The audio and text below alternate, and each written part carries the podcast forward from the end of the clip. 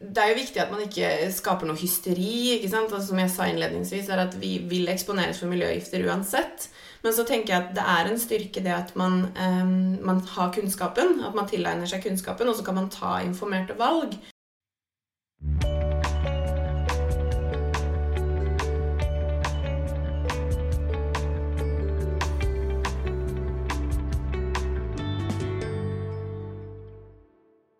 Hjertelig velkommen til podkasten 'Leger om livet'. Mitt navn er Anette, og jeg jobber som lege.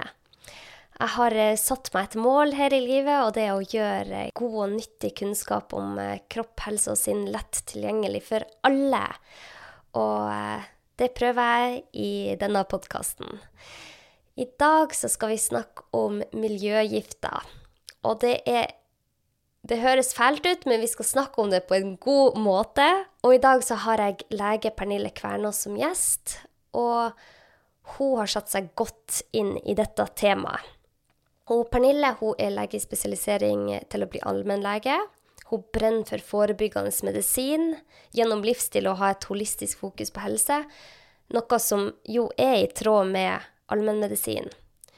Og det jeg ser, er at hun Pernille hun liker jo hvordan man fletter inn alle aspekter av helse, sånn som meg. Hun fletter inn søvn og relasjoner, kosthold. Hun snakker også om disse, disse genetiske predisposisjonene som vi alle har. Hun, eh, Pernilla har en eh, Instagram-konto som heter Holistisk lege, hvor hun deler evidensbasert eh, medisin. Og jeg er så glad for at jeg får dele hennes kunnskap i dag. Hjertelig velkommen, Pernille.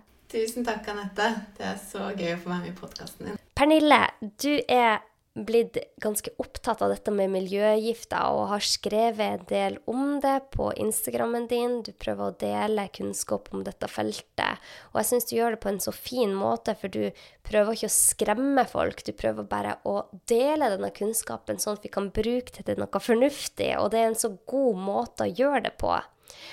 Og vi skal jo snakke om miljøgifter, hvordan det påvirker oss mennesker. Og vi leser jo overskrifter hvor det står at ja, f.eks. at 28% av kontrollerte produkter i norske nettbutikker inneholder for mye helse- og miljøskadelige stoffer.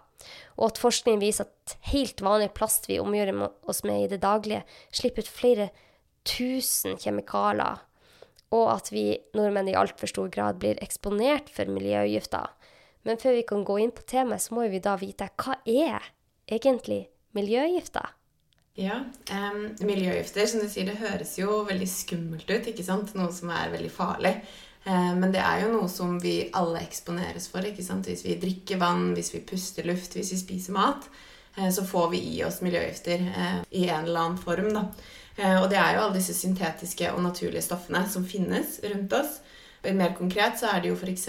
Eh, stoffer som finnes i kosmetikk og i rengjøringsprodukter. Det finnes i mat. Eh, det finnes i møblene våre. Og man har kanskje hørt mest om stoffer som eftalater, BPA i plast, eh, parabener og dioksiner, PCB og ting som tungmetaller. da. Men hvorfor er det så viktig å vite om det? Hvorfor er, det, hvorfor er miljøgifter skadelig? Mm. Det er jo det at man ser på en måte at miljøgifter eller forskjellige stoffer som vi eksponeres for, uh, det kan ha et skadepotensial i kroppen. Man ser at noen eh, stoffer er kreftfremkallende, noen stoffer kan irritere immunforsvaret vårt.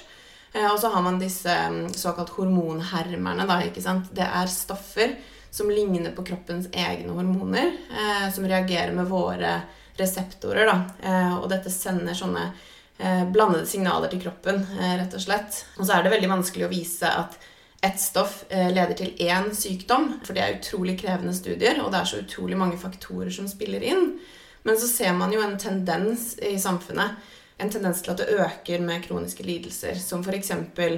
infertilitet og kreft, og man ser høyere forekomst av tidlig pubertet overvekt, eh, og også menn som får på en måte nye eh, problemer da, som man tenker kanskje er hormonrelatert.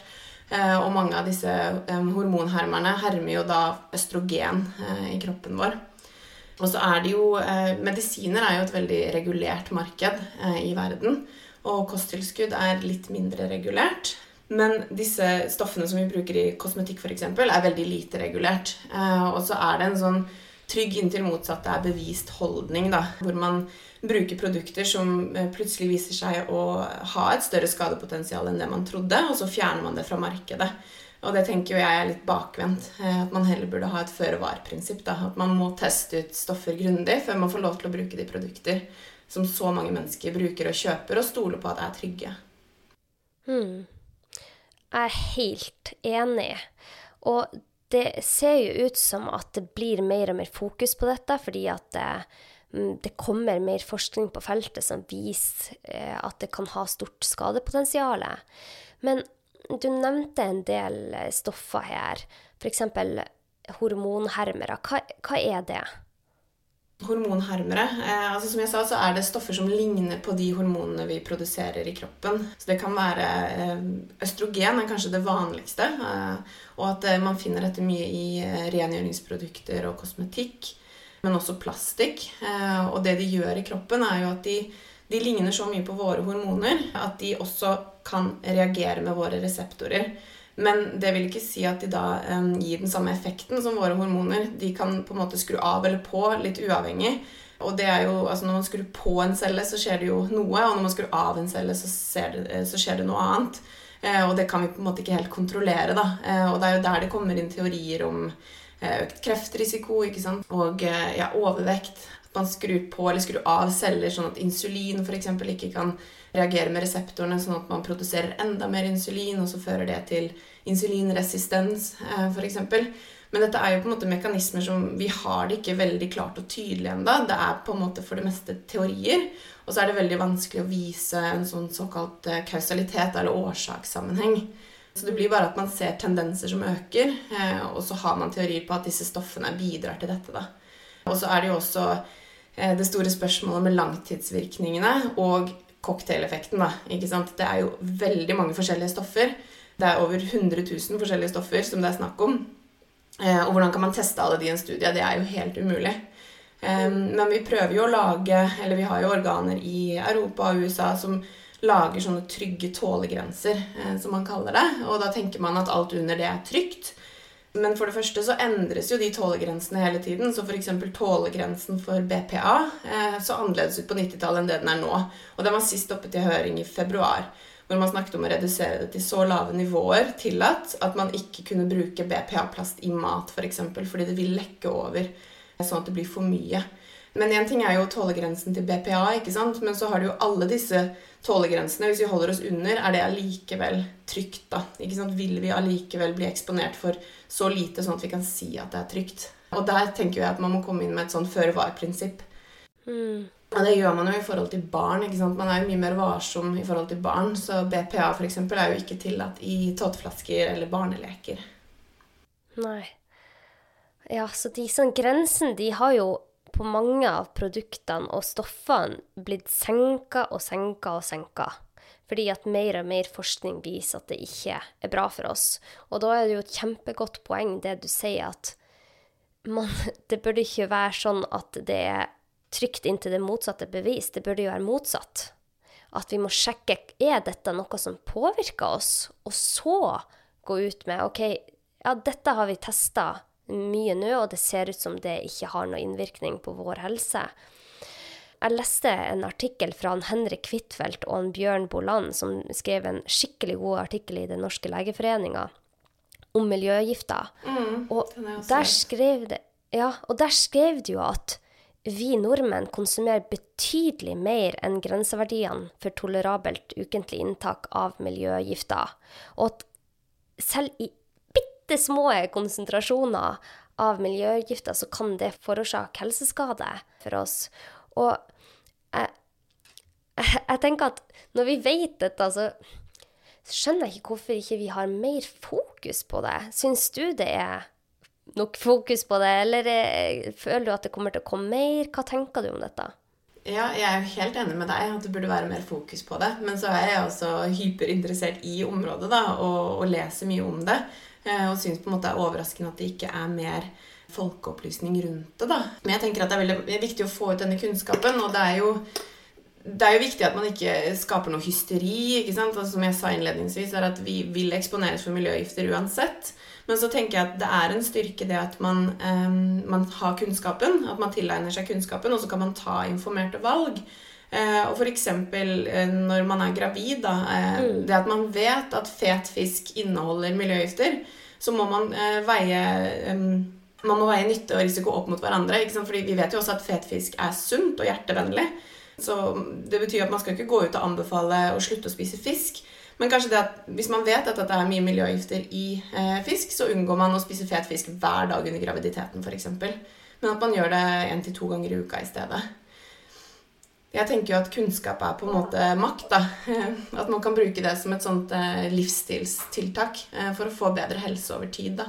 Dette er jo ting som vil skje over tid. Det er jo ikke noe som skjer akutt, eh, dette med miljøgifter. Nei, og det er så godt poeng, ikke sant. For at selv om du har veldig mye kunnskap på feltet, og jeg har lest mye om det de siste årene, så går vi jo ikke rundt og er livredd for miljøgifter, ser de som sånn fiender bak hvert hjørne. Men det å få kunnskap gjør at man tar litt andre valg. Jeg, før så elska jeg å smøre meg inn med dyre kremmer fra taxfree-en. jo mer de lukta, jo bedre, liksom. Og jeg kunne gjerne smøre meg mange ganger om dagen, for det føltes så deilig. Og um, jeg hadde ikke noe fokus på at eh, det å varme opp plast kan kunne gi meg noe slags eh, ja, stoffer i, i, min kropp. Mm. Men jeg har jo blitt mer bevisst på det, og nå tar jeg valg ut ifra det. Og så de miljøgiftene jeg får i meg, som alle oss får i oss, tenker jeg at vet du hva, kroppen min er robust nok til å tåle det. Jeg velger å gå med den holdninga, eh, fordi at hvis jeg begynner å bli engstelig for alt av miljøgifter som er rundt, så tror jeg at det heller ikke er bra for oss, for stress vet vi jo at det ikke er bra. Men det er jo så mange ting vi kan gjøre, og det skal vi snakke mer om, Pernille, for du har så mange gode råd til hva vi kan gjøre. Men jeg bare tenkte vi skulle snakke litt mer om eh, dette med Du snakka om graviditet. Mm -hmm. Og rett før vi snakka i dag, så fortalte du meg at eh, du har ei god venninne som forsker på miljøgifter og dere snakker om morsmelk. Kan ikke du bare fortelle alle det, for jeg tenkte at dette er en sånn kunnskap som er veldig greit for alle å vite. Mm. Det ligger jo litt ekstra nært til meg nå, siden jeg er gravid um, i tredje trimester. Um, så jeg syns jo det er ekstra interessant, da, uh, dette med hvordan alt det vi gjør, da, gjør på kroppen, spiser, hvordan det også påvirker fosteret. Og så er det jo det med Vi vet jo alle at amming er best. Amming er veldig bra. Morsmelk har så mange nyttige komponenter som er viktige for barnet. Det er på ingen måte ment å si at eh, man ikke skal amme. Men eh, når man ammer, eh, så vil også mor gi fra seg I hvert fall først, det første barnet så vil mor gi fra seg mye av de opphopte eh, miljøgiftene som hun har i kroppen. Eh, og det vil komme da ut gjennom melka. Eh, og det er fordi at mye av disse stoffene de er fettløselige. altså De binder seg til fett, så de vil også skilles ut med fett. Og så er det jo da på en måte Det er ikke ment for å si at man ikke skal amme, men kanskje det at man skal gå tilbake og se på de miljøgiftene som man eksponeres for i tiden før. Altså livet opp til man er gravid, da. ikke sant? Om man da kan minimere miljøgifter så mye som mulig, så vil også den mengden miljøgifter som kommer ut gjennom morsmelka, bli vesentlig mindre. Altså, det var egentlig det vi snakket om, da. Men så snakket vi også om at det er veldig vanskelig å, å snakke om det og gi informasjon om det. fordi man, man, må også være litt varsom eh, rundt hvordan man snakker om disse temaene, fordi at amming også er så bra og viktig. Ja, og man skal jo ikke tenke 'Å nei, nå skal jeg slutte å amme', fordi at åh, da jeg, kan jeg gi miljøgifter til barnet mitt. For at det, alle de positive fordelene med å amme oppveier jo i stor grad de, de miljøgiftene. Men, men, sånn som du nå når du går gravid, så har du vært mer bevisst på hva du blir eksponert for, og hva du smører deg inn med, og hva du vasker huset med. Og eh, det er jo sånne små tiltak som kan ha kjempestor effekt. Mm. Jeg føler i hvert fall at det gir meg en liten trygghet. Da. At jeg prøver så godt jeg kan å redusere min sånn kroppsbyrde, da, eller hvor mye som er opphopet i min kropp. Mm. Ja, nettopp. Og jeg leste en studie fra NTNU der de hadde Ja, det var NTNU og Frankfurt. Det var to eh, universitet som hadde gått sammen. Og de hadde sett på 24 helt vanlige enheter vi har i hus og hjem. Og så hadde de sett på da hvordan av disse produktene avgir miljøgifter. Og det de fant, var at hele 22 av 24 av disse produktene lakk kjemiske stoffer som ble forbundet med alt fra betennelse, kreft, diabetes, høyt blodtrykk, åreforkalkning, altså alt mulig rart av sykdommer. Og det jeg syns var litt interessant her, var at de sjekka f.eks. yoghurtbeger, eh, de sjekka plastposene, de sjekka lokk til kaffekoppen. Sånne helt vanlige ting vi omgir oss med hele tida. Og i 13 av plastproduktene slapp man ut stoffer som hemma virkninger på det mannlige kjønnshormonet testosteron. Og et av produktene avga østrogener, og som du har snakka om, er ikke bra. Og de forskerne var veldig overraska over at produkter som vi tidligere aldri har tenkt kan ha noe å si, viste seg å ha ganske stor betydning. Og da tenker jeg det er jo faktisk en del vi kan gjøre for å begrense omfanget. Og dette har du satt deg skikkelig godt inn i. Hva er det man skal gjøre for å begrense omfanget? Og har det noe å si at man endrer på ikke bare hva man smører seg inn i og vasker hus med, men har det noe å si hva man spiser? Mm. Det er jo også en annen studie, eller i hvert fall kunnskap ut fra NTNU, da, kanskje det var det samme, hvor de fant nylig at plast eh, lekker på lavere temperaturer enn det man trodde før. da. Så det med f.eks.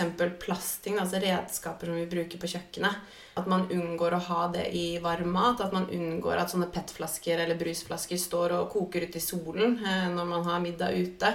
Det er på en måte de små tiltakene man kan se på i hverdagen. da. Eh, og så mm. kan man jo, sånn som jeg snakket om i sted, man kan se på denne eh, kroppsbyrden. Eh, og det går jo inn under eh, hverdagsrutinene våre. Hva slags eh, kosmetikk er det vi bruker? Hvilke kremer er det vi smører på huden, hvilke vaskemidler bruker vi til å vaske klærne, og rengjøringsmidler til huset. Og så selvfølgelig maten, da, ikke sant. Det er jo altså alt fra plantevernmidler til tungmetaller til Det er jo ikke alle ting i mat som nødvendigvis er tilsatt, eller noe vi mennesker har på en måte kjemisk puttet i maten, men tungmetaller eksisterer jo også i jorda. Sånn at man kan skrelle rotgrønnsaker, f.eks., um, som kanskje har mer av tungmetaller i skallet. Lage egne produkter hjemme, lage egen krem, vaskemiddel. Eller prøve å finne produkter da, som velger en bedre vei, da, eller lage produkter som sannsynligvis er tryggere, med færre ingredienser. Bruke kanskje ingredienser vi vet mye mer om. Altså at man bruker nye måter på å formulere disse oppskriftene. Da. Um, og at man ikke bruker så mye syntetiske stoffer. Samtidig som at naturlige stoffer kan jo også være irriterende. Så naturlig betyr ikke alltid nødvendigvis heller trygt. Det er et kjempegodt poeng. Jeg har hatt flere pasienter som kommer inn til meg og har smurt seg med noen sånn naturlige planteprodukter. Som absolutt Altså, brennesle er jo naturlig, men man skal ikke smøre seg med det. Så det er et godt poeng. Men du, du gikk inn på så utrolig mye bra nå, så jeg tror vi må eh, gå litt eh, dypere til verks her. Du snakka om først og fremst plast. Plastflaske, alt av eh, sånn fjøl og alt sånn, eh, unngå at de blir veldig oppvarma. Og så det var faktisk broren min som viste meg at når du skjærer mat på plastfjølet, så hver gang bladet kommer ned i plasten, så drar det med seg litt plast. Så jeg skifta alt av mine plastfjøler. Jeg bruker det kun når jeg har sånn fisk og sånne produkter. Men eh, jeg bruker som regel bare tre nå. Og det var en sånn kjempeenkel greie som gjorde at jeg følte meg i hvert fall litt tryggere på at jeg ikke fikk i meg unødvendig mye plast. Men så sa du dette med å ikke ha eh, colaflasker sånn ute i sola. Hva med sånne gladplast, altså sånn eh, plastfolie? Har det innvirkning? Ja, jeg vil jo tro det. Det er jo også et plastprodukt. ikke sant? Eh, altså, det er jo strengere regler for matemballasje og ting som ikke er beregna på mat. Men det, så kommer det tilbake igjen til disse tålegrensene. Er det trygt likevel? Det vil sannsynligvis lekke over i maten. Og du har jo sånne ting som teflonpanner. Og det er jo det er jo ikke bare plast. Det, er, eh, det eksisterer stoffer i veldig mye vi bruker da, som man kanskje ikke tenker over hvis ikke man har blitt fortalt det. Eh, og det er jo veldig enkle ting som skal til, ikke sant? sånn som du har byttet ut med trefjøler. da det er jo ikke et så veldig drastisk tiltak, egentlig. Og så Nei. ja, bidrar det Men- til at men- du ja. Du snakker om teflonpanne. Hva, hva er, er det noe der vi burde tenke på?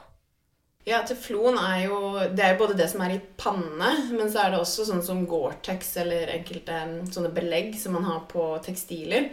Eh, og det er sånne fluorforbindelser som Det blir litt nerdete, da, men hvordan det er, står i periodesystemet, eh, så ser man at dette er type atomer da, som reagerer mye lettere med reseptorer og vev i kroppen vår. Og det gjør også at disse forbindelsene lettere hoper seg opp. Så ja, Ok, Hva har du gjort med teflon? Jeg bruker teflonpanne, for jeg syns det er kjempevanskelig å finne erstatninger. Nå har jeg akkurat bestilt meg ei panne som skal inneholde mindre stoffer, men jeg syns det er kjempevanskelig å finne gode Vi vet jo at stål er bra, og at eh, Ja, hva annet er det man kan bruke? Mm, jeg bruker stål, støpejern, og så har du sånne emaljepanner, f.eks. Eh, også det at man, man trenger ikke å steke maten på høyeste temperatur. Eh, ting blir som regel stekt eller kokt eh, på lavere temperatur også.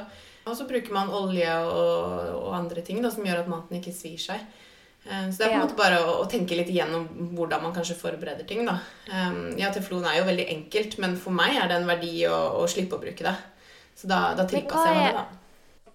Men hva er emaljeplate? Emalje. Du kalte det emaljeplate. Hva er det for noe?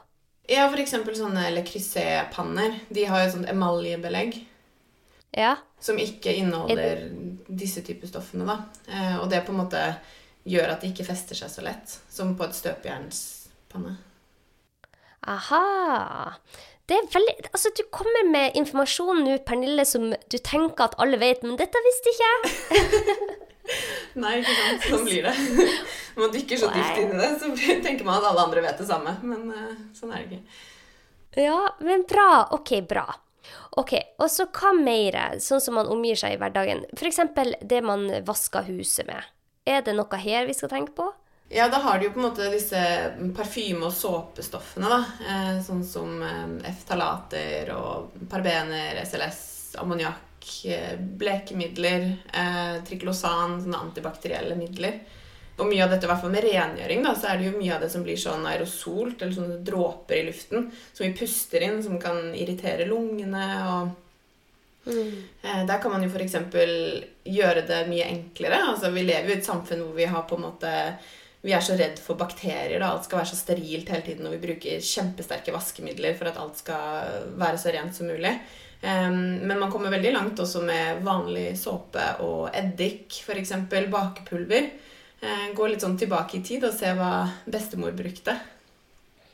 Ja, ikke sant? Og eh, det finnes jo også produkter. Sånn som Vi har jo norske bedrifter som har begynt å lage såpe uten alle disse unødvendige stoffene. Jeg, jeg kjøper eh, alle mine produkter fra Sea Soaps, og det finnes flere av de der man kan bruke såpe som Kanskje man, hvis man vil slippe å lage det selv, så finnes det òg produkter man kan kjøpe så man slipper å få det i huset, da. Helt klart. OK. Men eh, hva med det vi spiser? Er det noe vi kan endre på med maten vi spiser, som kan gjøre at vi får mindre miljøgifter i oss, eller har ikke det så mye å si? Um, mye av disse miljøgiftene er jo som jeg sa, fettløselige, eller binder seg til fett. da. Um, og fett finner man jo mye av i animalske varer. Uh, og spesielt da fetfisk, som jeg var inne på tidligere. Eh, og da mener jeg ikke at man skal slutte å spise nødvendigvis den maten, eh, hvis det er det man ønsker, men at man kanskje minimerer litt da de hovedkildene til miljøgifter. kan man jo også se på f.eks. så langt man klarer da, å kjøpe økologisk mat, eller Eh, mat som kanskje ikke kommer fra steder hvor det er mye luftforurensning. Hvis man er så privilegert at man har en liten hageflekk, kanskje man kan prøve å dyrke ting litt selv eh, uten sprøytemidler, eller kanskje ha noen urter da, i vinduskarmen. Det er jo også en annen ting som eh, kan ha mye tungmetaller og stoffer fra luftforurensning. Da. Ja, så må man på en måte veie Man må veie nytte og risiko opp mot hverandre, fordi det er mye av den sunne maten eh, som potensielt også kan ha miljøgifter i seg. Men da tenker jeg det viktigste er at man sprer det utover. At man ikke spiser veldig veldig mye av én matvare. da. F.eks. makrell i tomat kan jo ha en del PCB i seg. Eh, Så hvis man spiser det hver eneste dag til lunsj, kanskje man skal begynne å bytte ut det med noe, da. Sånn at man sprer det litt utover hvilke miljøgifter man eksponeres for. Ja, nettopp. Ja, det er et godt poeng, for at kroppen klarer jo å håndtere ganske mye, men hvis det blir alt man spiser hver dag, eller veldig, veldig ofte, bør man se på. Mm. Og så kanskje se om man kan gjøre noen endringer hvis man ser at det er mye miljøgifter i akkurat det. Mm. Eh, jeg har jo også lest at eh, de fant jo en del miljøgifter i sånne fastfood-mat. Så det er jo det å gå over til råvarebasert mat tror jeg vil ha veldig god effekt hvis man ønsker å minimere miljøgiftene. Jeg vet ikke om du har noe å si på det? Mm. Er helt enig. Råvarebasert mat det, det, er noe jeg snakker mye om. da, Å unngå disse ultraprosesserte matvarene. Og, og der er det jo ikke bare hele miljøgifter, der er det jo også mye tilsetningsstoffer også. Hvor vi vet at det er samme holdning da, med sånn trygg inntil motsatt er bevist. Eh, siste, nå var jo titandioksid f.eks., som man har tenkt har vært trygt og har blitt brukt i mange forskjellige matvarer, men også tannkrem og eh, forskjellige produkter. Og så finner man ut at det kanskje er kreftfremkallende, og så er det ikke lov å bruke det lenger, da. Mm. Så, ja, vet. Mm, og det er jo disse E-stoffene, eller tilsetningsstoffene. Mm. Matsminken. Ja, ja, ja. Det har jeg hatt noen episoder om, så hvis dere vil høre mer om det, så kan dere søke på Marit Kolby, for hun snakker om det. Og det, det er et par tilsetningsstoffer i mat som er greit å unngå. Som f.eks. da titandioksid, som heldigvis er blitt forbudt, karagenan og eh, metylcellulose, annet. Men hva mer? Du snakka om kvitteringer. Hva er det med kvitteringer? Kvitteringer de Før mener jeg at de hadde BPA, men nå er det visst BPS. Eh, fordi at man ser at BPA ikke er bra, og så bytter man det ut med eh, et annet plastprodukt. Eh, som da er BPS. Men så viser det seg også at BPS eh, er like farlig, eller kanskje farligere, da. Um, og det er, jo, altså det er, jo, så lett å bare unngå å ikke ta kvitteringen. Eh, og så kan man si ja, men er det så farlig å ta på en kvittering? Men dette er jo noe man kanskje gjør flere ganger daglig, da, eh, hvis man ikke tenker over det. Og da blir på en måte også totalen da, den blir mye større med ting vi gjør veldig ofte. Ja, ikke sant. Og det visste ikke jeg før du fortalte meg det, dette med kvitteringer. Hva andre sånne hverdagslige ting er det vi kan minimere som ha, kan ha stor effekt? Det er jo eh, Altså, vi har vært inne på hygieneprodukter. Da, ikke sånn Tannkrem, deodorant. Eh, men så har man jo også møblene våre, som jeg vet hvert fall før var veldig behandlet med flammehemmere, eh, som er kjempegiftig. Og de vil jo også på en måte sende fra seg gasser, i hvert fall når de er nye. da. Eh, I veldig mange år så vil de gi fra seg gasser fra disse stoffene. Så for Der kan man prøve å kjøpe bruktmøbler eller ting som er litt eldre. Det er jo også veldig bra med tanke på klima. At man ikke trenger å, å, kjøpe nye klær hele tiden. fordi man, man, har jo litt det samme problemet i plastklær eller polyester. Dette er jo ting som sitter ja, veldig veldig tett på kroppen vår da, og tett på slimhinnene. Mm. Uff. Ja, det er, det er, mange ting å tenke på. det. EWG, eller Environmental Working Group, de gjorde en undersøkelse hvor de så at eh, kvinner eksponeres for 168 kjemikalier daglig, eh, og tenåringsjenter enda mer. Og, og, da tenker jeg på en måte at um, mm. man kan prøve å minimere det eller halvere det da, ved å f.eks. ikke spraye møblene sine eller velge en annen krem. Det er, det er sånne småting jeg eh, tenker altså, det er så lett å bare unngå. Også når man sprayer og skal vaske vinduene, f.eks. Ikke puste inn alle disse fumesene. Det er sånne småting hele tida som jeg ikke tenkte over et sekund før. Parfyme også er jo mye det samme. Ja, og hva er det med parfymer, egentlig? Eh, parfymer er jo Det er mye syntetiske stoffer, og så har man disse F-salatene, i tillegg til at det er noe man sprayer, da, så man inhalerer det i tillegg til at huden også trekker det inn. Og så er det noe man kanskje bruker daglig. Nettopp. Men hva kan man gjøre selv? Hva kan man gjøre selv for å kan man lage noen ting selv? Altså parfymer Man vil jo lukte godt. Hva, hva, gjør, hva er det du lager selv hjemme? Mm, jeg lager eh, krem som jeg lager på olivenolje, skjeasmør og bivoks. Eh, det er jo en veldig sånn fet krem, da, så den bruker jeg på en måte bare når huden er veldig tørr. Og det at etter min på en måte reise startet med å lære om disse miljøgiftene, så har jeg også minimert veldig hvor mange produkter jeg bruker, inkludert sminke. Eh, og det gjør jo også at huden min har mindre behov for tilført fuktighet, og eh, jeg får mindre kviser fordi jeg ikke bruker sminke, og ja, behovet blir mindre, da, så jeg har på en måte en veldig, veldig enkel hverdagsrutine. Um, kan bruke f.eks. bare mandelolje på huden.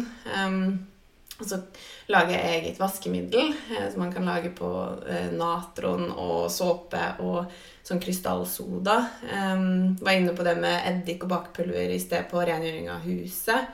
Jeg lager egen såpe eh, som kun er kokosolje, olivenolje og lut. Og luten vil jo forsvinne gjennom den såpeprosessen, så det er ikke noe lut igjen i produktet når det er ferdig. Ja, det er jo Jeg prøver å dyrke ting selv i hagen, så jeg vet hvor maten min kommer fra. Bruker på en måte naturlige fibre da, i klær. Ull og lin og bomull. Eh, sånne ting. Kjøpe brukte møbler. ja. Det er en lang lang liste på hva man kan lage selv da, og gjøre hjemme. Så er det jo det at Jeg skjønner jo at ikke alle kanskje har tid eller ønsker å lage alle produkter selv og vil ha det litt enkelt. Eh, og da var du inne på at det finnes merker som lager bra produkter som man kan finne. Ja, og du snakka om ei nettside man kunne gå inn på for å søke opp produktene. Mm, det er en EWG, eller Skin Deep. Eh, Environmental Working Group. Det er en sånn amerikansk organisasjon som er, understreker veldig mye på disse miljøgiftene, spesielt i kosmetikk da, og sjampo og sånne ting. Og der kan man faktisk eh, slå opp produkter man bruker den er ikke helt fullstendig, den listen de har. Så det er mange produkter vi har i Norge for eksempel, som ikke de har vurdert ennå. Eh, men man kan også slå opp enkeltstoffer eh, som man leser på ingredienslistene. Og så gir de på en måte en karakter da, hvor trygge de er. Eh, og de har jo også et sånt ark med jeg tror det er 3000 sider med forskjellige stoffer som de mener at man burde være forsiktig med. da.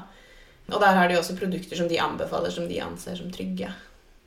Det er kjempenyttig. Og sånn som jeg er jo i spesialisering til å bli hudlege, og jeg er veldig for å bruke solkrem når man, når man er ute i sola midt på dagen. Det er kjempeviktig at vi ikke blir forbrent. Men i solkremmer har jo EWG undersøkt mye på, og man ser jo det at det er veldig mye som ikke er bra i solkremmer. Så velg en solkrem som er trygg. Og det kan man søke opp. Det finnes mange, mange forskjellige trygge solkremer. Det er bare sånne tips som er greit, og i hvert fall nå når vi går mot sommeren. Mm, absolutt. Ja. Nei, det her er så, det er så nyttig, Pernilla, og det er så greit å få det så enkelt forklart. Er det noe mer du tenker vi, du ønsker å dele med lytterne mine? Um, jeg tenker at uh, det er viktig å få fram det med at man ikke skal bli hysterisk, og, og, se på en måte miljøgifter overalt. Fordi det skaper bare stress, og stress vet vi jo heller ikke er så veldig helsebringende.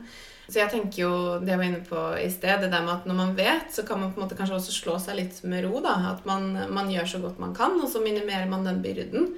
Eh, og så syns jeg det var veldig fint det du sa i stad med eh, motstandsdyktighet. da, At vi jobber med den eh, altså vi jobber med kroppen vår, at den er så sterk som mulig til å kunne takle disse miljøgiftene. Eh, at vi styrker våre naturlige avgiftningssystemer. Da, ikke sant? Leveren vår, nyrene våre, tarmen. Eh, det at vi spiser råvarebasert mat, at vi sover godt, eh, at vi har gode relasjoner og ja, at vi har det bra med oss selv, at vi har sterke kropper. Da gjør vi oss også sterkere da, i kampen mot disse miljøgiftene. Mm. Akkurat det vi gjør. Det er så godt sagt, Pernille. Kroppene våre trenger det naturen har gitt oss. Søvn og god mat og gode venner og Ja, det er Det er egentlig veldig enkelt, hvis man bare det, vet det. Ja, jeg vet det. Det er det som er. Det, er ikke, man, det trenger ikke være så vanskelig. Men jeg er i hvert fall utrolig glad for at jeg får lov til å dele den kunnskapen du sitter på der, Pernille. Du bor jo i Isfjorden. Hvor er det henne? Det er i Romsdalen. Ja. Nå ser jeg at dere lager kjøkkenhage og Eller sånn eh, Drivhus. Drivhus, ja. Å, herregud. Det er jo drømmen min. Å, å dyrke mat selv og bo i naturen og ja, være nær naturen. Da. Så det er derfor vi har valgt å flytte hit. Fantastisk. Og hvor kan lytterne mine finne deg hvis de har spørsmål til deg? For jeg er sikker på at mange av mine lyttere har mange spørsmål til deg nå. det er jeg mest aktiv på Instagram, på Holistisk lege. Der har jeg også en sånn guide til eh, naturlig hudpleie, og hvor det er masse oppskrifter da, som man kan slå opp hvis man er interessert i å lage litt hjemme. Og også hvis man vil finne mer informasjon da, om de tingene vi har delt i dag. Kjempefint. Og der er det veldig mye bra. Og hvis dere ikke får svar fra Pernille de første dagene dere kjenner, så bare vær tålmodig, for denne episoden kommer ut rundt Pernille sin termin. ah, ja, så bra. Tusen takk for at du ble med, Pernille. Takk for at jeg fikk være med og dele denne kunnskapen. Veldig hyggelig å ha deg med. og da får du ha en fin tid fram mot fødsel, og eh, ja hvis dere har noen spørsmål til meg, eh, dere lyttere, så kan dere skrive til meg på doktor.anette eller på Leger om livet på Facebook. Og hvis dere ønsker å dele denne episoden med noen, så send den ut. Det er sånn vi får ut kunnskapen. Og hvis du ønsker å støtte podkasten, kan du trykke abonner. Ha en kjempefin dag. Ha det godt.